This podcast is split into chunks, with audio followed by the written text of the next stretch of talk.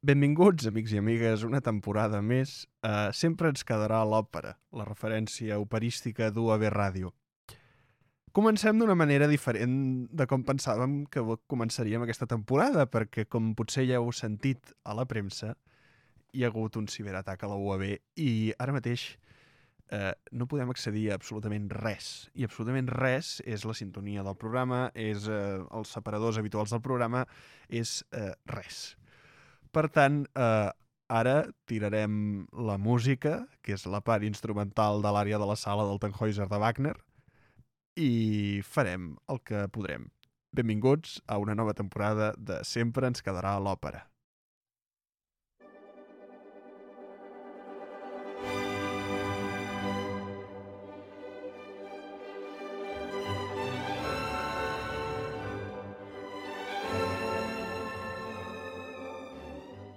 Segona temporada del programa i una temporada amb moltes novetats. La primera de les quals és... L'Helena Sensi Martínez. Hombre, què tal? Ara som dos, ara som dos a la cabina. Ara som dos. I no sé si el Nacho ha tingut molta sort amb la meva incorporació. A vegades no entenc molt les seves bromes d'òpera, però... Fem el que podem. Jo Fem el que soc, podem. soc massa friki, segons com. Segons com. No, però l'Helena corre pel Liceu i ens coneixíem i, i en un moment Exactament. de bogeria extrema li vaig dir que si volia, si volia Participar en aquesta meravellosa experiència. Aquesta bogeria no li feu cas, és una bogeria això de fer un programa d'òpera, però d'això ja en parlarem un altre dia. Uh, hola, Helena, què tal estàs? Doncs estic superbé aquí a la UAB, Com portes això del ciberatac? superbé, com És- qualsevol cosa en aquesta universitat. Campus d'excel·lència. Internacional, no funciona res. No funciona però, res mai. Però res és, és, és res, o sigui... De fet, estem gravant un programa que no sabrem si es podrà emetre mai. Exacte, és molt divertit perquè Però bueno. l'intentarem... A veure, és probable que si esteu sentint això és perquè l'hem pogut penjar, Ah, també és exacte. veritat. Però... És la gràcia d'aquesta uni, la incertesa. Si no, res funciona. O sigui, Sí, fa- sí, sí, que com cursos- funcionés... Fa dos cursos vam tenir una pandèmia, uh, ara tenim un virus informàtic. La qüestió és que aquí ens agraden els virus. Exacte, no, no sabem quin virus vindrà l'any que ve, però esperem que cap. Esperem, però. Bé, doncs... Hi ha, ah, males què? llengües, hi ha males llengües que parlen d'un cert tipus de virus, però potser Però no és el millor lloc millor per no és el millor lloc un programa un programa d'òpera. Exacte, per ja, parlar ja d'aquests. parleu amb algun alumne de la UAB, a veure què us explica. Uh, bé, doncs, uh, sí com sigui, intentarem tirar endavant aquesta temporada. Efectivament. tal com, tal, tal, tal com puguem, i és que és una temporada que ve carregada de novetats i de noves eh, coses que us anirem explicant a mesura que la cosa es vagi normalitzant, perquè ara Sí. mateix no sabem exactament què passarà amb, amb, amb res de la No nostra sabem vida. res. És, és Mm, fantàstic. Crisi existencial. Hem tornat al segle XX de sobte. Ara a la biblioteca els llibres te'ls registren en paper. Ah, exacte. Cosa que jo no recordava, mm, i crec que ni de quan era petit. O sigui... La prehistòria. La prehistòria ha tornat. Sí, exacte. exacte. Però no passa res, perquè aquí estem per intentar apropar Tenim, diplom... tenim diplodocus passejant-se per la plaça cívica. cada, cada loco con fet, su temps. De fet, sempre n'hi ha hagut, però, però ara, ara, ara destaquen menys. Uh, bromes a part, uh, us hem presentat l'Helena Sensi i volem parlar una mica del que farem en aquesta temporada, que ve marcada sobretot per, um, pel 175 aniversari del Liceu, que serà, Exacte. serà la primavera, Anys i anys per molts anys. a la una per molts anys. Ja li cantarem... A ja les li, 175 per molts anys. Exacte, ja li cantarem ja li cantarem el, per molts anys en el seu moment i us podem avançar que celebrarem d'una manera molt especial aquest aniversari del, del, del nostre teatre al final és, és, és el Liceu, ens l'estimem és casa nostra, és on hem vist les primeres òperes Casa nostra, però hi vius a dues hores. En tren. No, no és un, no, vinc, visc a dues hores de la uni tu, tu, tu, bueno, tu, tu vius a cinc minuts caminant eh? que Exactament. quan quedem, diu, quan sigueu allà a tres quarts, m'aviseu i, i, i ja apareixeré. És fantàstic. La qüestió, eh, avui, com que som dos, eh, doncs hem pensat que començaríem la temporada mm, d'una bona manera, que és presentant grans duos de la història de l'òpera, o almenys, si no grans duos, els que més ens Exacte. agraden a nosaltres. En sobre originalitat. Sí, clar, som dos. Dos, Si exactament. féssim tres, si fóssim, si fóssim tres faríem Mm. tercets i si fóssim Exacte. quatre faríem quartets. O sigui, és, és exacte. fantàstic això. I sí que us volem dir que en les properes setmanes, no sabem si la setmana vinent o la- o l'altra, la, No ens sabem deixi... res. No sabem res. No sabem quan res. Deixi... Exacte, quan ens deixi l'atac informàtic, um, doncs uh, li farem un homenatge a l'Edita Gruberova, que no riguis. És que m'ha fet gràcia de l'atac informàtic. És que, ja és, que, estic és, que, mica- és que no, no, no, sortim d'una cosa i entrem en una altra, és terrible. Totalment. La qüestió, que mm, d'aquí, en, en quan puguem, li farem un homenatge uh, a la, a la Dieta Gruberova, li farem un, un programa memorial a aquesta soprano que ens va deixar la setmana passada, amb massa jove, amb 74 anys, és jove pel, pel que són els estàndards de vida actuals. Home, I sí, crec que la mitjana està en 80. per això, que és que és, Bueno, s'han sí. anat massa d'hora i li dedicarem un programa i dedicarem a sentir-la amb ella i a parlar d'ella i, de, i de la cantant meravellosa que era. En qualsevol cas, comencem el programa d'avui, comencem ja per fi, si el virus ens deixa i no, Si i no ens ens deixa. ataquen de sobte. Potser perquè, sí. exacte, potser estem gravant i de sobte es para Ah, això exacte, i... potser ens i, estan escoltant des de... Ves tu on ens estiguin hackejant. eh, protect your software, amigo. És Exactament. boníssim el virus. En fi, la qüestió, que l'Helena s'estrenarà presentant-vos la primera peça que sentirem avui. Que, què, què sentirem. Helena? Què sentirem? Espero fer-ho bé. Bueno, Quins nervis. si no, la corregirem. Molt bé. Doncs la primera peça que escoltarem és la barcarola de l'òpera Els contes d'Hoffmann. Ho he dit bé? Ho has dit fantàstic. Ho he dit bé? De No, Jacques... no s'ha atrevit a dir-ho en francès, eh? Ho he no, intentat no, i no... però vaig fer francès, eh? Tinc Sí? la 2. Déu-n'hi-do. Jo, no, jo, jo no parlo francès. Molt bé. Eh, de Jacques Offenbach. Això ja no sé. Sí, sí, ja, fantàstic. Amb col·laboració amb el llibretista Jules Barbier. Òpera estrenada a, a París el 10 de febrer de 1881. Ah, efectivament. I pertany... Uh, no sé què dir. Vale. Tira, tira. Tiro. Tira, De- la tira, peça- tira, tira, perquè hi ha música de fons i això no sabrem si s'emetrà, per tant, Exacte. tira. Vale. Doncs la peça Barcarola pertany a l'acte tercer i les intèrpretes que escoltarem seran Anna Net... Anna Netrebko, soprano. Sí? Sí, Sí, no? sí, Anna sí, Netrebko i Elina Garanca. sí. La mezzolatona. Garanxa. Granxa. No, no, no sé com se n'ha de dir, tampoc parlo letó. Exacte. La qüestió... Eh, que Una mica desastrós tot això. No, home, no. Les Tots primeres tenim una vegades. primera vegada. El meu, programa, el meu primer programa t'asseguro que va ser una gran... Un, un tema, també, un tema. No sé. La qüestió, els contes de Hoffman es basa en uns contes, m'imagino. Qui ho hagués dit? Doncs sí, es basen, tant com el seu nom indica, en els contes del poeta alemany Ernst Theodor Amadeus Hoffmann. Doncs Això aquest... sí, això sí que està ben pronunciat. Ho he eh? dit bé? Oi, quin honor. Vale. Perfecte. Doncs aquesta òpera, que és l'única seriosa que va escriure el geni de l'opereta Jacques Offenbach, està dividida en, el, en un pròleg, tres actes i un epíleg. La famosa barcarola, que és el nom d'una forma musical i que ha acabat donant nom a la peça, té lloc al principi del tercer acte, quan el poeta Hoffmann, que és el protagonista de l'òpera, arriba a Venècia en la seva cerca de la dona perfecta.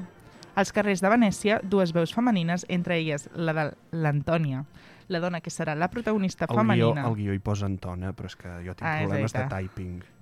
I jo... I l'Helena ho ha sabut veure. He... Comprensió lectora, correcte. L'Antònia, doncs, és... L'Antònia és la dona que serà la protagonista femenina d'aquest acte. Canten a la nit que embraça els amants. Doncs sentim-ho, no? Exactament.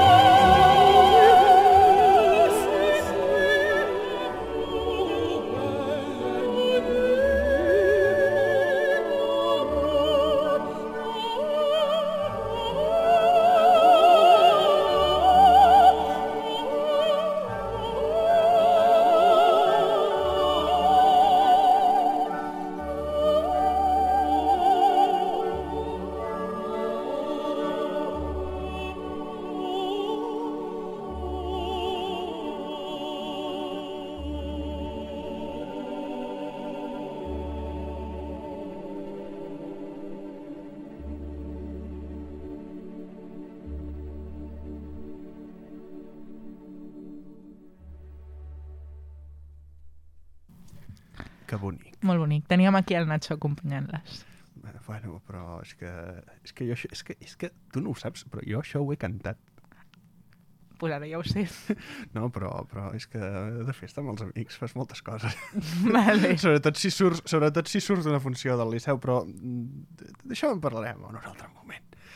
Uh, bé, doncs era aquesta barcarola dels contes de Hoffman de Jacques Offenbach, òpera que vam poder veure al Liceu a principis del- d'aquest any, del 2021, al mes de gener. No sé si vas Ah, anar. sí, jo hi vaig anar. Ah, sí. M'acabo de recordar. Que bé. que bé. No, va estar molt, van estar molt bé aquelles representacions. I cantava l'Hermonella Iajo, que és una gran, és una gran soprano de les que corren avui dia pels nostres teatres. Bé, doncs passem a una altra peça. Passem a una peça de l'Elisir d'Amore, de Gaetano Donizetti. És molt Que- maca. És que aquesta l'ha triada l'Helena. Sí, perquè bàsicament entra en el meu coneixement d'òpera. És que no és tan extens com el de Ala, Nacho. Però jo tampoc en sé tant. Però no, però la vas triar tu. Per què la vas La vaig triar? La vaig triar perquè m'agrada i perquè no hi ha a veure, llavors la És- conec. Això, això és la sinceritat. Aquesta és la sinceritat. Això és fantàstic. Bé, doncs eh, sentim, dèiem, un, el duo del primer acte de l'Elisir d'Amore, òpera de Gaetano Donizetti, amb llibret de Felice Romani, estrenada a Milà, al Teatre a l'Escala, si no ens equivoquem, el 12 de maig de 1832. L'Elisir d'Amore és una òpera còmica, una òpera bufa, eh, amb dues Fs, si no una òpera bufa amb una F és una òpera que bufa, i que una òpera bufi és complicat. Exacte, una metàfora o algú, probablement. No ho no, sé. No sé. No, No no. Vaig fer les figures retòriques. És que és de, és de ciències, deixeu-la, pobreta. És, fa, fa, fa el que pot. La qüestió. Uh, L'Elisir d'Amor és una òpera còmica en dos actes de Gaetano Donizetti que explica la història de Nemorino, un pagès que és idiota, bàsicament. Subjectivament. És, no, no, i I objectivament. objectivament. O sigui, vale. és idiota perdut. És idiota perdut, diem, perquè, perquè s'enamora d'una noia del seu poble, Adina, i Tot va d'amor. és, és que és, és, és, és, que és Carós. l'Elisir d'Amor, és, Clar, és, també, és que ho li diu hagués el dit? text, és, és, Qui no el títol. dicho? La qüestió, que s'enamora d'Adina i doncs no sap com dir-li i fa, doncs, eh, fa, fa el que vol, fa el que pot, més, més ben dit. Qui fa el que pot no està obligat a A més. més, exacte. Però, però el pobre Nemorino no, no se n'acaba de sortir. Aleshores, un dia apareix un xarlatà per la seva vila, el, do, el doctor Edul Camara, el doctor Edul Camara, que té de doctor Res. el que jo de graduat en arts escèniques. El que jo de ganes de seguir a la UAB. Ah, no, no, la UAB mola, veniu, veniu, tenim gespa. Sí, és veritat. Tenim gespa. Millor universitat. I no ens paguen. Exacte. Més aviat paguem nosaltres. Més aviat que és el, paguem, és el pitjor de exacte. tot. Però veniu, tenim gespa. Uh, la qüestió, que arriba el doctor del Camara prometent que té un elixir, que bàsicament és vi, que té un elixir fantàstic que, que pot fer ressuscitar morts, pot fer que senyores de 70 anys tinguin 70 fills, és, és, és una cosa fantàstica. Aleshores Nemorino li compra una ampolla d'elixir, de l'elixir d'amore, De fet, el dia de l'òpera sortia un noi repartint elisirs d'aquests entre el públic i Ah, me'n va sí? donar un i jo estava com superfeliç i després Ah, jo em és vaig que enterar aquella- que era que la meva mare m'havia assenyalat tot el rato Eh, jo és que aquella... és- me'n donés. Jo, jo és que aquella producció crec que no l'he vista i, crec, i l'han fet tres, 30 cops al Liceu. Eh? És, és, És... Sí, bé. és una producció del Mario Gas de, de, de, que s'ha fet, fet molts anys. Es va estrenar quan el, durant el Liceu a l'exili, després de l'incendi, i els hi deu sortir a compte perquè l'han fet 4 o 5 cops Home, més. està molt bé. Bé, la qüestió que Nemorino li compra l'Elisir al doctor Edul Camara per veure si, si pot fer que Dina es fixi una mica més amb ell i, i, i bé, es torna més idiota encara. Aleshores se'n burla, se'n burla de, de Dina i se'n fot, se n'en fot, bàsicament, que és el que sentirem en aquest, en aquest duo, és el tipus la Bàrbara, que, en què es veu que a Dina li segueix una mica el joc, però, però bueno... Però no mucho. Però no mucho. Aleshores, doncs, bé, doncs, Nemorino fa el que pot i de sobte apareix Belcore, que és el soldat amb qui s'ha de casar Dina, a, a interrompre la festa. Sentim la versió d'una de les grans parelles del passat operístic, perquè ja no canten junts, mm. i deixem-ho aquí perquè jo tinc les meves opinions subjectives. subjectives, molt subjectives sobre aquests dos cantants. Però la qüestió és que els dos cantants que sentirem, que no són altres que Rolando Villazón, tenor en el paper de Nemorino i la soprano Anna Netrebko, un altre cop en el paper de Dina, estan esplèndids en aquesta gravació en directe de l'Òpera de Viena de l'any 2005. Gaudium Amor.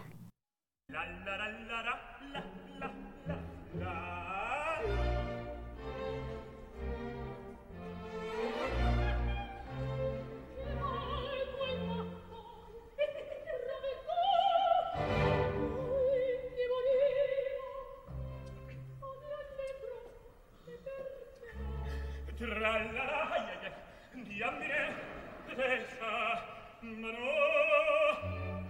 non ci appressiam de miei sostegni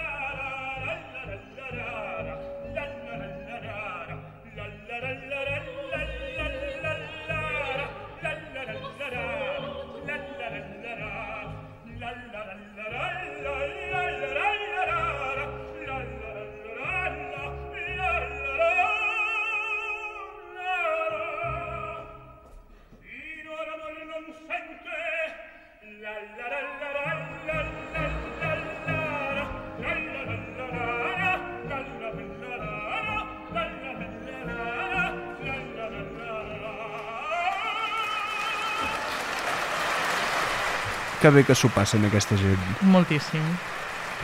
Seguim sentint.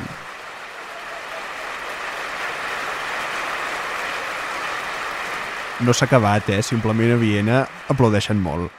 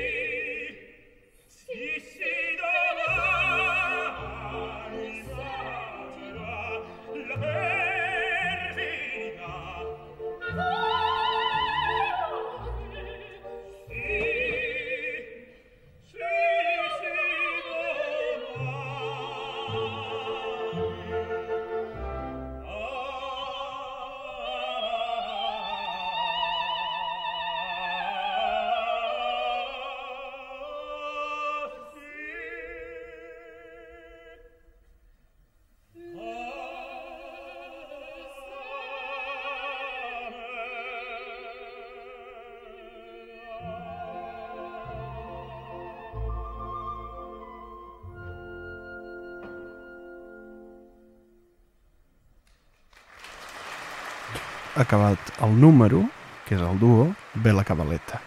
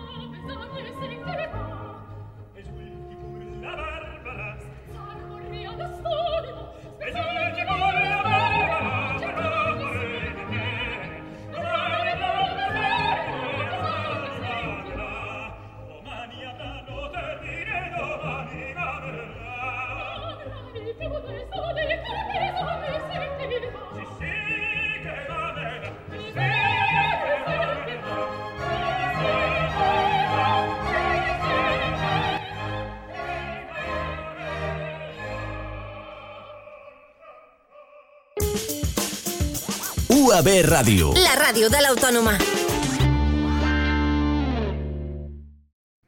Bé, doncs era És últim per la Bàrbara, de, de, de Gaetano Donizetti. Ui, perdó, t'estaves mutejada. Ha sigut una mica És boicot. com una reunió de Zoom, això. Exactament. Amb la- El Nacho és el profet. L'Helena... No, home, no.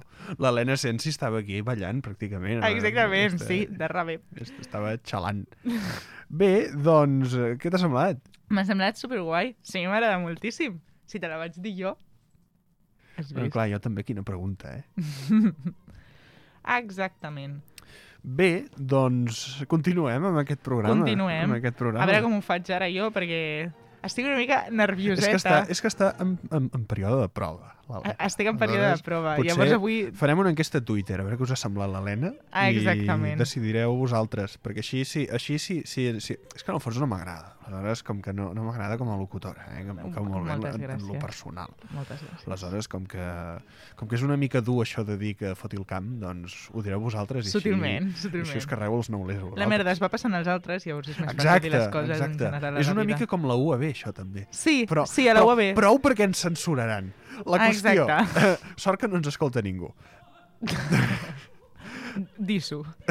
vale. Eh, doncs, la cançó que escoltarem ara, a veure si ho dic bé, La, la, la peça. la peça. Perdó, és que soc una mica... En música clàssica i òpera parlem de peces, no parlem de cançons. És que no toco, seria toco la viola. La, la Britney Spears, no? Una cançó, no sé. Toco la viola i no en sé Sí, gaire. no, jo tampoc. Jo també, jo, no, no, jo també toco la viola. Ell també en toca, però també no en sap gaire. Bé, continuem. La M'encanta peça... com m'ha caigut aquest punyal i no, no, no, no, no l'he vist ni venir. La peça- Fantàstic. La peça que escoltarem ara és la cançó... No, no et deixaré, no et deixaré. No em deixaràs parlar? No. Vale. És la cançoneta Solària, que pertany a la meravellosa òpera que segurament ja coneixeu totes, Les noces di Figaro. Es- Totes, totes i tots. Totes i tots, totes les persones. Totes les... Uh, Wolfgang- discutirem aquí. Vale, sí. Eh, Això, Wolfgang... ets conscient que això no ho hauríem de, d'haver estat... De, això no ho hauríem de parlar en directe, oi? és, que no, és que no ho hem parlat, d'aquestes coses editorials. Però bueno, la, el que sentirem a continuació. El que sentirem a continuació és aquesta peça que ja he dit el nom i no el tornaré a repetir, La canzoneta solària. de Les noces di Figaro, del compositor, que ja sabeu qui és, Wolfgang Amadeus Mozart. Amb col·laboració amb el llibretista Lorenzo da Ponte. Aquest potser sí que no sabeu qui és. Aquest ja sé que no sap qui és ningú, si la gent Ah, ah, la... Ho, ho que ha dit. no... Ho que dic. No, home, no, És Lorenzo de Ponte sí. és molt famós, és, Famós, sí. um, fa, la, ha fet la trilogia aquesta que presenten a- aquesta temporada al Liceu. També tinc les meves opinions sobre això, que no diré aquí perquè no volem que ens censurin. Jo és que com no en sé, vaig dient No, coses. però, mm, home, falta una mica de Wagner en aquesta temporada. Però ja està, ja està, no dic més, perquè si dic més em. Efectivament. Ah, doncs, aquesta òpera... M'acabes de donar la raó. No ho sé, és que no sé ni què has dit, la veritat. Estava una mica mirant el que haig de llegir Va, va. a continuació, Tira, tira. que és que aquesta òpera va ser escrita a Viena el 1 de maig Va de... ser Mil... estrenada. Estrenada, perdó, a Viena el 1 de maig de 1786.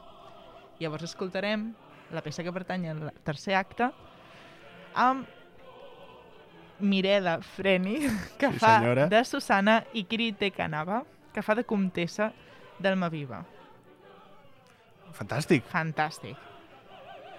Si més no, la peça que escoltarem, la gravació, és de l'Orquestra Filarmònica de Viena, dirigida per Karl Bohm. Això ja... bem, bem, bem. bueno, Carl sí, Bem. això ja... És la gravació d'aquella pel·lícula que es va fer als anys 70 de, la, de les noces de Figaro amb el Herman Prey fent de Figaro i no recordo qui com a comte d'Alma Viva. Ho buscarem mentre sentim la peça i us ho direm. Exacte. Llavors, de què va? Doncs ara us ho explicaré. Enmig del gran vodevil que és les noces de Figuero, la comtessa d'Almaviva, que ha estat traïda pel seu marit, el comte, planeja amb Susana, la seva serventa, i objectiu amorós del noble, O sigui, un complot. Perquè ens entenguem, el, el, el comte d'Alma Viva es vol, benefici vol beneficiar-se a la Susana, que alhora és la dona de Figaro, el seu servent. És, és Però fantàstic. tot és molt complicat Sí. en, en l'amor i en la vida. Vale, I a les noces de Figaro, més. exactament. Doncs això que estava dient, planeja un complot per fer caure el comte en una trampa i deixar en evidència que és infidel a la seva dona i que no pot seguir comportant-se com ho fa amb les dones. Bé, escoltem-ho, no? Escoltem-ho.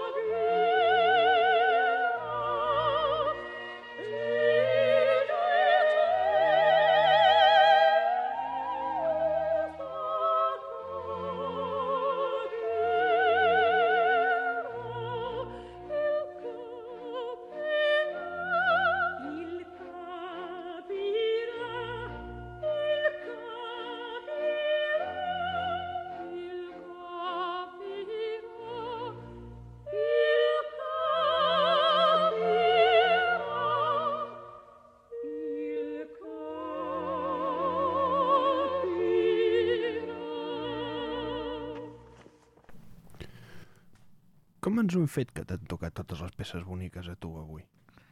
No sé, la sort de la vida. Però és preciós, això. És molt maco. Bé, doncs era la cançoneta Solària, no? De les nostres de Figaro, que heu pogut sentir tots vosaltres. T'agrada? Tots vosaltres? Sí. Val. Això és una reunió que hauríem d'haver tingut i que no hem tingut. Però és que ciberatac informàtic està tot... Està tot... És incomunicació. És, és terrible tot plegat. Però bé, és igual. eh? No, no necessitem teràpia de grup, realment, tots. Teràpia de parella. Ala, no, però teràpia de grup com a universitaris... Ah, exactament. Eh, sí. La qüestió. Uh, passem al següent fragment que volíem sentir avui, que és un fragment d'opereta, perquè, perquè Perquè una mica de tot. Clar, exacte, una miqueta de tot i sobretot una miqueta de coses en alemany, que hem sentit molt italià avui i jo que sóc molt germanòfon, germanòfil, perdó, germanòfon, és que parles alemany. I jo no és el l'alemany... cas. No, sí que el parlo. El parles. Ho intento. Però com jo intento aprendre alemany, doncs eh, sentim un fragment eh, de Die lustige Witwe, que en català vol dir La viuda alegre. Opereta de Franz Lehar, amb llibret de Víctor León i Leo Stein, estrenada... Això està mal posat. No sé. Faig molt malament els guions, eh? No, però és que sort que això ho estàs dient tu, perquè si jo hagués de pronunciar aquestes coses... Bueno, ja vam dir, ja vam dir que jo feia l'alemany precisament per això, però és que, és, que, és que em documento molt malament, perquè aquí diu una cosa que no és certa. Uh, aquí hi ha un error nostre, perdoneu-nos. Uh, la Viuda Alegre és una òpera estrenada al Teatre Andea Wien de Viena. El, a veure si la data està bé, no? La data tampoc està bé. No està bé res en Però aquesta vida. estic... No. Coses del directe. L'Helena us pot dir que jo aquest programa el faig amb la Wikipedia, amb un ull a la Wikipedia, cosa que queda molt malament, perquè fins ara, clar, és que quan el feia Però si sol... això no ho deies... Clar, és que quan el feia sol, doncs eh, pensava, ostres, aquest noi sap moltes coses, però no, el que sap, el que sap fer aquest noi és llegir. Exacte. Però la qüestió, uh, opereta estrenada a Viena el 30 de desembre de 1905, que explica la història explica bàsicament un, un ball d'ambaixada, eh, l'ambaixada d'un país eh, que no existeix, és una faula estranyíssima, tot plegat. No sé explicar de què va la Viuda Alegre realment, perquè Ah, vale, ningú sap bé. ben bé de què va la Viuda Alegre. Bueno, sí, sí, algú sabrà i ens estarà escoltant Si i, no i, i, m'escriurà un missatge indignat mm, perquè, que m'ho he trobat Mm. dient-me que, que carai dic el programa, per tant... Eh, Demanem perdó. ja sabeu de què va la Viuda Alegre. La qüestió, que sentim el, el, el, el famós, famosíssim duo de l'acte segon, si no m'equivoco, d'aquesta... És que està tot malament. En És que aquesta posa acte 1, És posa està- és que 1847 i el Teatre de la Pèrgola. teatre, això, el teatre de la Pèrgola és a, és a Florència. És que està tot malament, en Ciutat aquesta maca. fitxa. Això hem de parlar amb el, hem de parlar amb el becari, eh? La qüestió... que no en tenim, No en spoiler. tenim, bueno, però a algú se li ha de carregar el mort. La qüestió, que els cantants sí que estan bé i l'orquestra, si no m'equivoco, també. Aleshores sentim aquest Lippenschweigen, uh, que no sé traduir, uh, cantat... Doncs molt bé. Fantàstic, tot. La, la sinceritat davant de tot. Ciberatac, uh, cantat per... És la gran excusa, m'encanta. Ciberatac. Vale. cantat per uh, la soprano alemanya Diana Damrau, una de les grans, grans, grans cantants actuals, i la seva parella de fet escènica, mm, no sentimental, en parlarem una mica més endavant de la seva parella sentimental, de la, de la, parella, de la parella sentimental de la Això Damrau. què és? Sálvame No, òpera. ja veuràs, ui, no, no, tota la salsa, tota la premsa rosa que hi pot haver en el món de l'òpera, ja, ja, ja, ja, ja aniràs veient. La qüestió, eh, Damrau i Kaufman han treballat sovint plegats i, i són dos grans cantants que sentim cantant aquest duo, Lippenschweigen, de La viuda alegre de Franz Lear.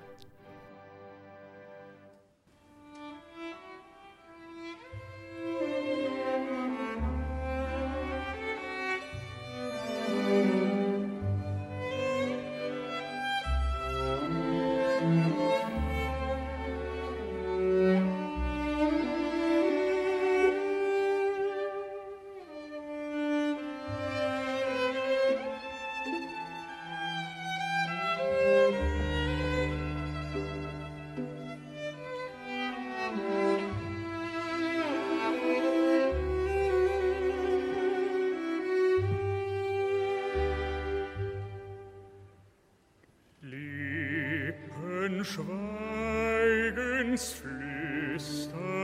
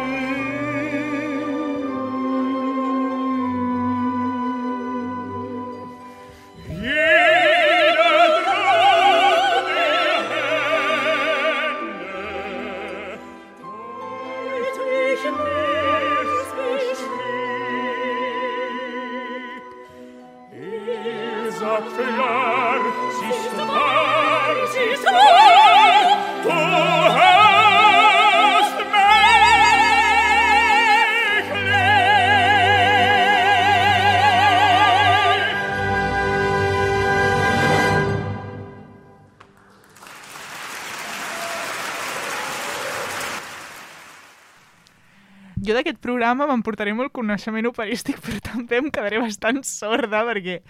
Bueno, en Nacho volia explicar-vos una anècdota. Això de la sordera, no pateixis, eh? de, de tot se surt. De la UAB també. No. No.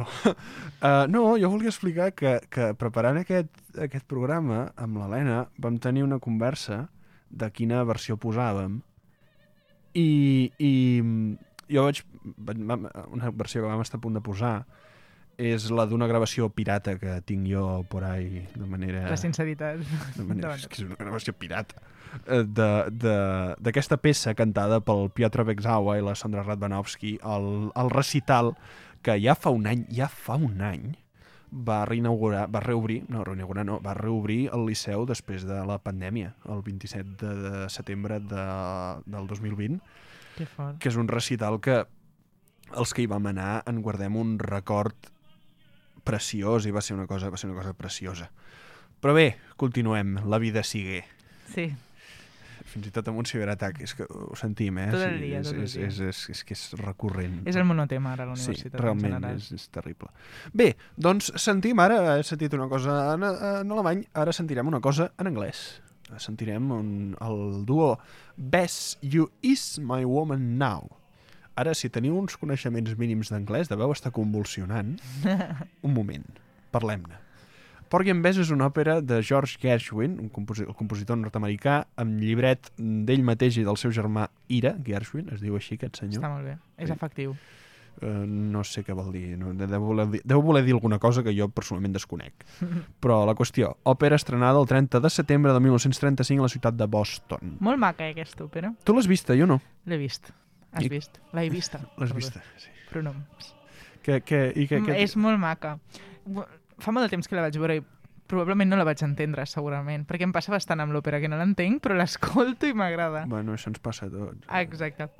Però Bé, doncs eh, sentim, sentim aquest... Por... eh, Bess deia que us, us grinyola perquè Porgy and Bess és la història de uh, Bess, una dona, i Porgy, un pidolaire, que viuen a una barriada de... una barriada de, de perdoneu l'expressió, una barriada de negres uh, als afores de... de um, als afores de la ciutat de Nova Orleans, si no m'equivoco. Mm. Aleshores, uh, Catfish Row es diu el barri. Aleshores, el que fa el text és reproduir la parla d'aquesta gent. I la parla d'aquesta gent d'extracte social baix i etc etc és eh, concordar malament el subjecte i el verb. Aleshores, en, en lloc de best you, is, you are my woman now, ves, ves, tu ara ets la meva, tu ara ets la meva dona, eh, és ves, you is my woman now, que aquesta és una aquesta és una característica pròpia de molts dialectes de l'anglès que ara no explicaré perquè, perquè no, ara no toca. Perquè no toca. Exacte, però ja, ja farem una masterclass, si voleu, un dia.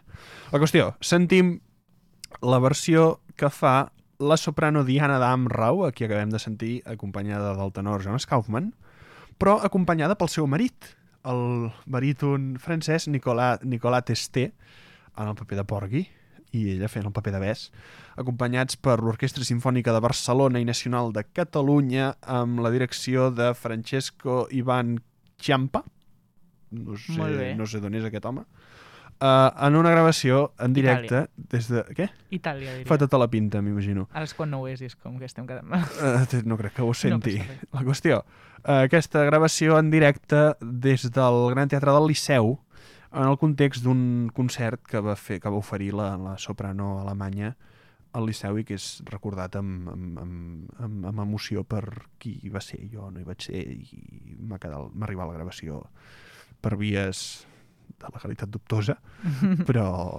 no, no en parlarem aquí. Sentim-ho. You Is My Woman Now, cantada per Nicola Testé i Diana Damrau.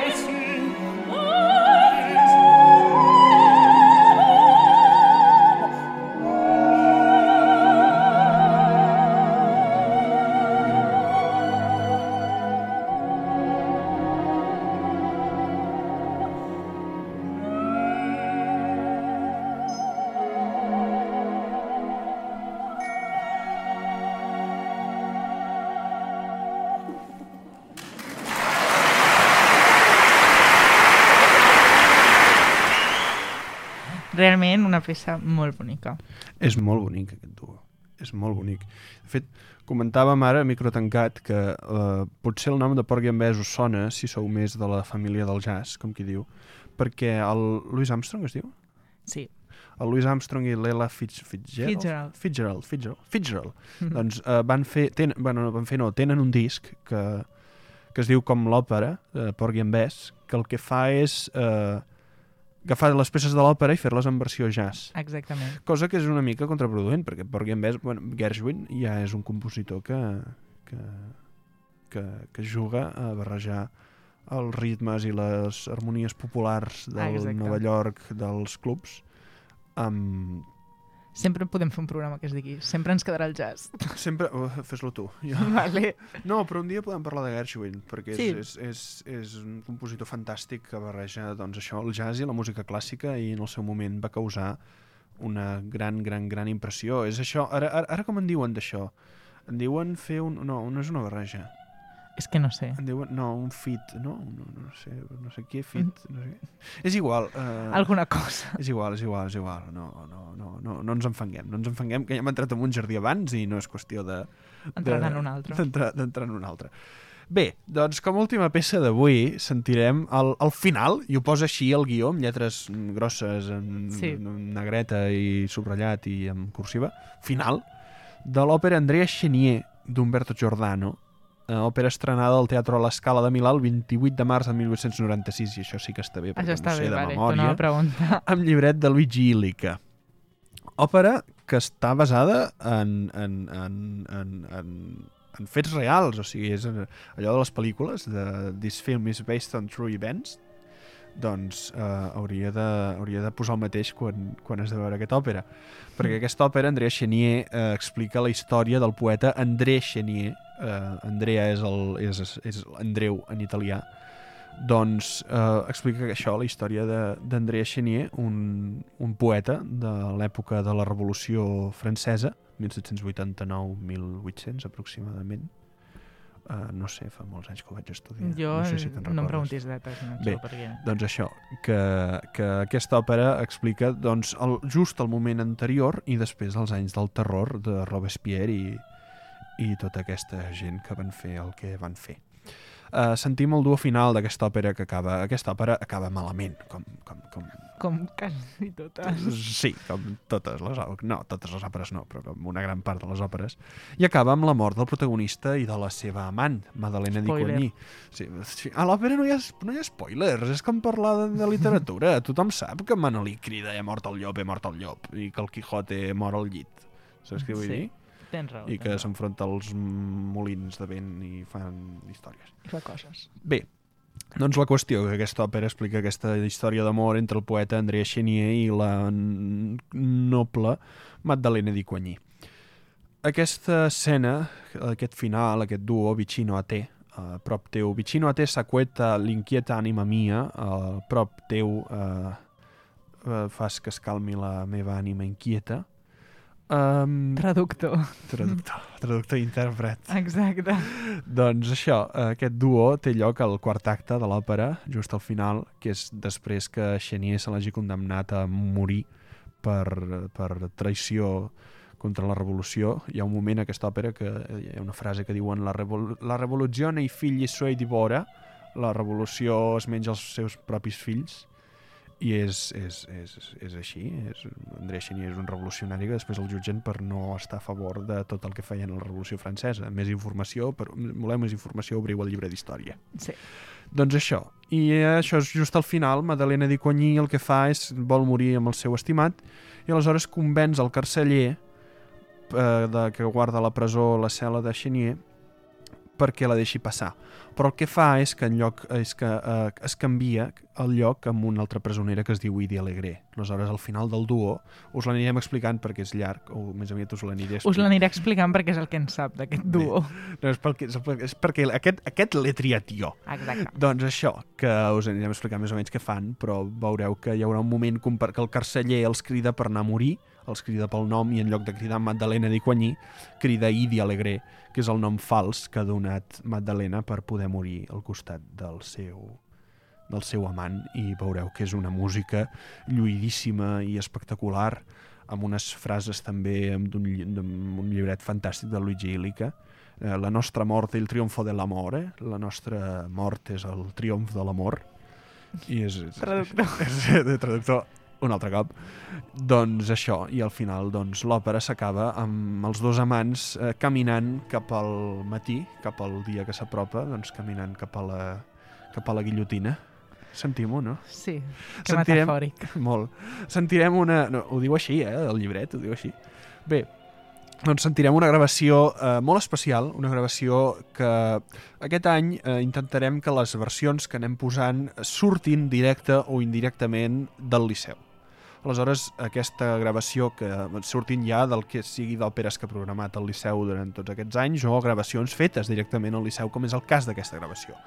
Aquesta gravació eh, està protagonitzada per el tenor Josep Carreras en el paper d'Andrea Chenier i la soprano Montserrat Cavaller, la nostra Cavaller. Productes de la Terra. Productes de la terra, eh, amb el origen, en el paper de Magdalena di Coigny, en una gravació en directe des del Gran Teatre del Liceu del dia de Nadal, 25 de desembre, perquè abans hi havia Fum, abans, fum, fum. fum, fum, fum. Abans hi havia funcions el 25 de desembre, el dia de Nadal de l'any 78. Us avisem que el so és eh, el que és, perquè la gravació ja té uns anyets i l'orquestra sona com sona. És, uh, qui conegués, qui, si algun dels nostres oients va conèixer el Liceu de l'època, veurà que... Repeteixo que tampoc podem dir gaire perquè són violes, però... Però l'orquestra sí. no sona com ha de sonar ni de lluny. Aleshores, eh, bé, doncs recuperareu qui l'hagi conegut aquella època gloriosa del Liceu, perquè és que tu imagina't, o sigui, ja veureu, ja veureu que la gravació és espectacular. Imagineu-vos el després de Nadal, després de, de dinar el dia de Nadal, que és un àpat considerable, anar al Liceu i, i trobar-te aquesta barbaritat de, de, de versió, ja veureu, és una versió espectacular i els dos estan immensos. Carreras era... Quan Carreras cantava bé, eh, bueno, ara potser això no ho hauria d'haver dit, però quan, Quan... Això són opinions subjectives quan, seves. quan, quan Carreras, la millor època de Carreras, que és abans que, que tingués el, el, el problema de la leucèmia i abans que l'operessin, és veritat, a l'operar-se va perdre molta veu, i, i la Cavaller també està espectacular i és una gravació fantàstica que, que us convidem a gaudir amb nosaltres eh, sempre ens quedarà l'òpera. L'escoltem? Sí.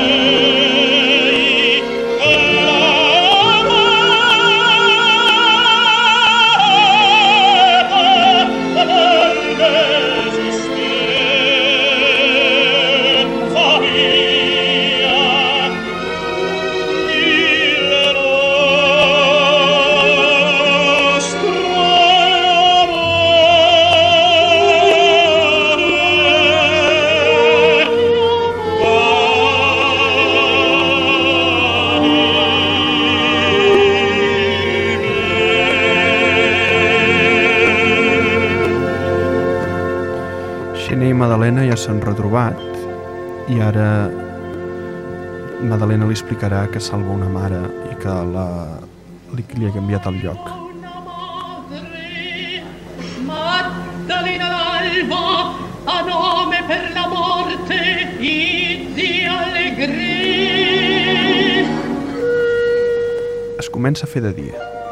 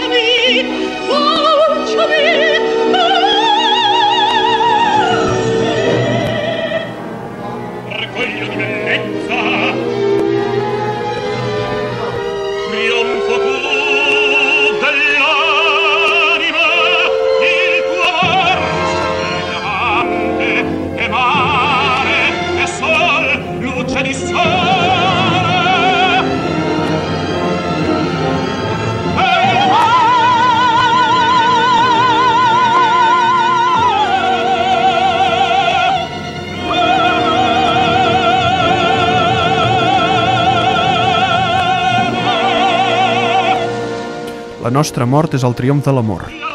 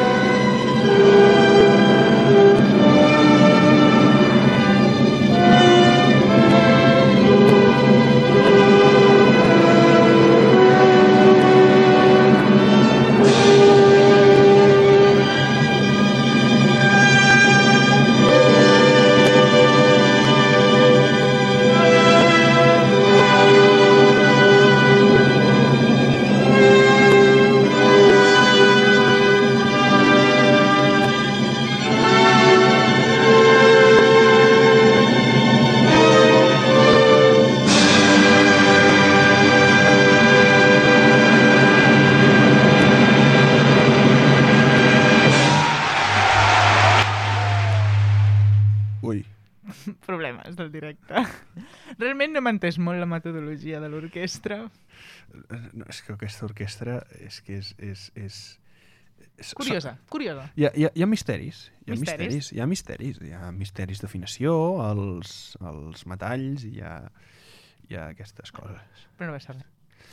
Bé, doncs fins aquí el programa d'avui, perquè com que no tenim sintonia de sortida, doncs... Perquè ens l'han hackejada. Exacte, doncs no podem fer res. El que sí que us proposem és uh, sent, re- tornar a sentir aquest final, però amb una orquestra com Déu mana, no la del Liceu als anys 70, que heu, heu, heu, heu comprovat que no era... Com si nosaltres toquéssim millor. Exacte, no era... No passa, però no passa res. Eh, De tot s'aprèn. De tot s'aprèn i, i si t'estimes la història del Liceu, també t'estimes aquesta orquestra dels anys 70 Hm. perquè és la que hi havia. I, i, I ja veieu que la resposta del públic va ser espectacular. Potser o el sigui, problema és de la gravació en si. Eh, El problema és que la gravació és la que és, això està clar, però també que, eh, que no, no és l'única gravació on sona així de malament. O sigui, és, és, és, és recurrent. La qüestió és que jo, sincerament, si, si després del dinar de Nadal he de veure aquesta, aquesta, aquesta meravella, perquè hi ha la gravació sencera per les xarxes d'aquest d'Andrea Chenier, i realment és que estan tots espectaculars. És, hi ha Joan Pons cantant el Carlos Gerard, el tercer en discòrdia, o sigui, és un repartiment de luxe espectacular i que ens encantaria tenir aquí, ara mateix, al Liceu, cantant coses. Coses així en general. Coses. Aleshores... Cançons, peces. Aleshores, peces.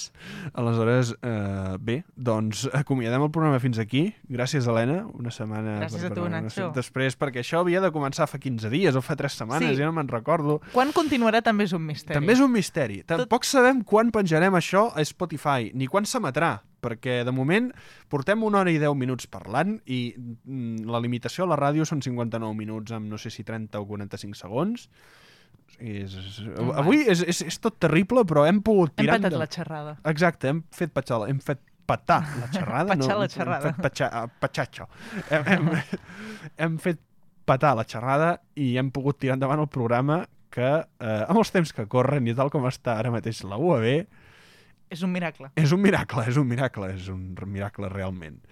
Bé, doncs com a sintonia de sortida no tenim el Rosen Cavalier de, tot, de totes les setmanes, intentarem a veure si podem trobar un mètode per tal que la setmana que ve o quan puguem tornar a gravar eh, ho tinguem una mica més assentat, eh, doncs intentarem recuperar més el format de sempre, però bé, com a programa de presentació de la temporada i de presentació de la companya, l'Helena Sensi, Que bonic. aquí és, és un gran valor, ja veureu, la- l'expremarem, l'expremarem com una, com una taronja.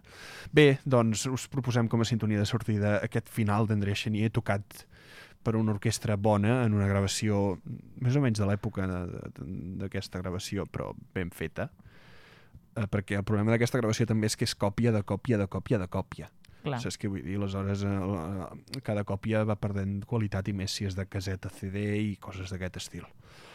Aleshores us proposem sentir aquest, aquest final de l'Andrea Chenier, aquest últim minutet, des, de, des que els criden fins tot el final, el Viva la morte insiem, visca la mort junts, eh, cantada per la Cavaller, això sí, i el Pavarotti, que està espectacular també en aquesta gravació de l'Andrea Chenier, amb l'orquestra de, de Filharmònica de l'Escala, dirigida pel Ricardo Celli, que aquest home n'haurem de parlar un dia, perquè Sí, Jo no però sé potser quants- avui no, perquè, no, perquè ja ens portem estem no sé allargant quan. molt. Però aquest home fa 50 anys que treballa o 40 anys i, i, i, i, i és, és, com, és una mica com el Jordi Hurtado.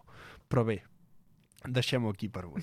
Sí, no, Ens acomiadem amb aquest final d'Andrea Xenia. Moltes gràcies a l'Anna Moltes Sensi. gràcies a tu. Ens veiem la setmana que ve, si tot va bé i el ciberatac ho permet. Exacte. Fins la setmana que ve, Fins la amics. setmana que ve. Andrea Son io, Idi alegre, Son io. Viva la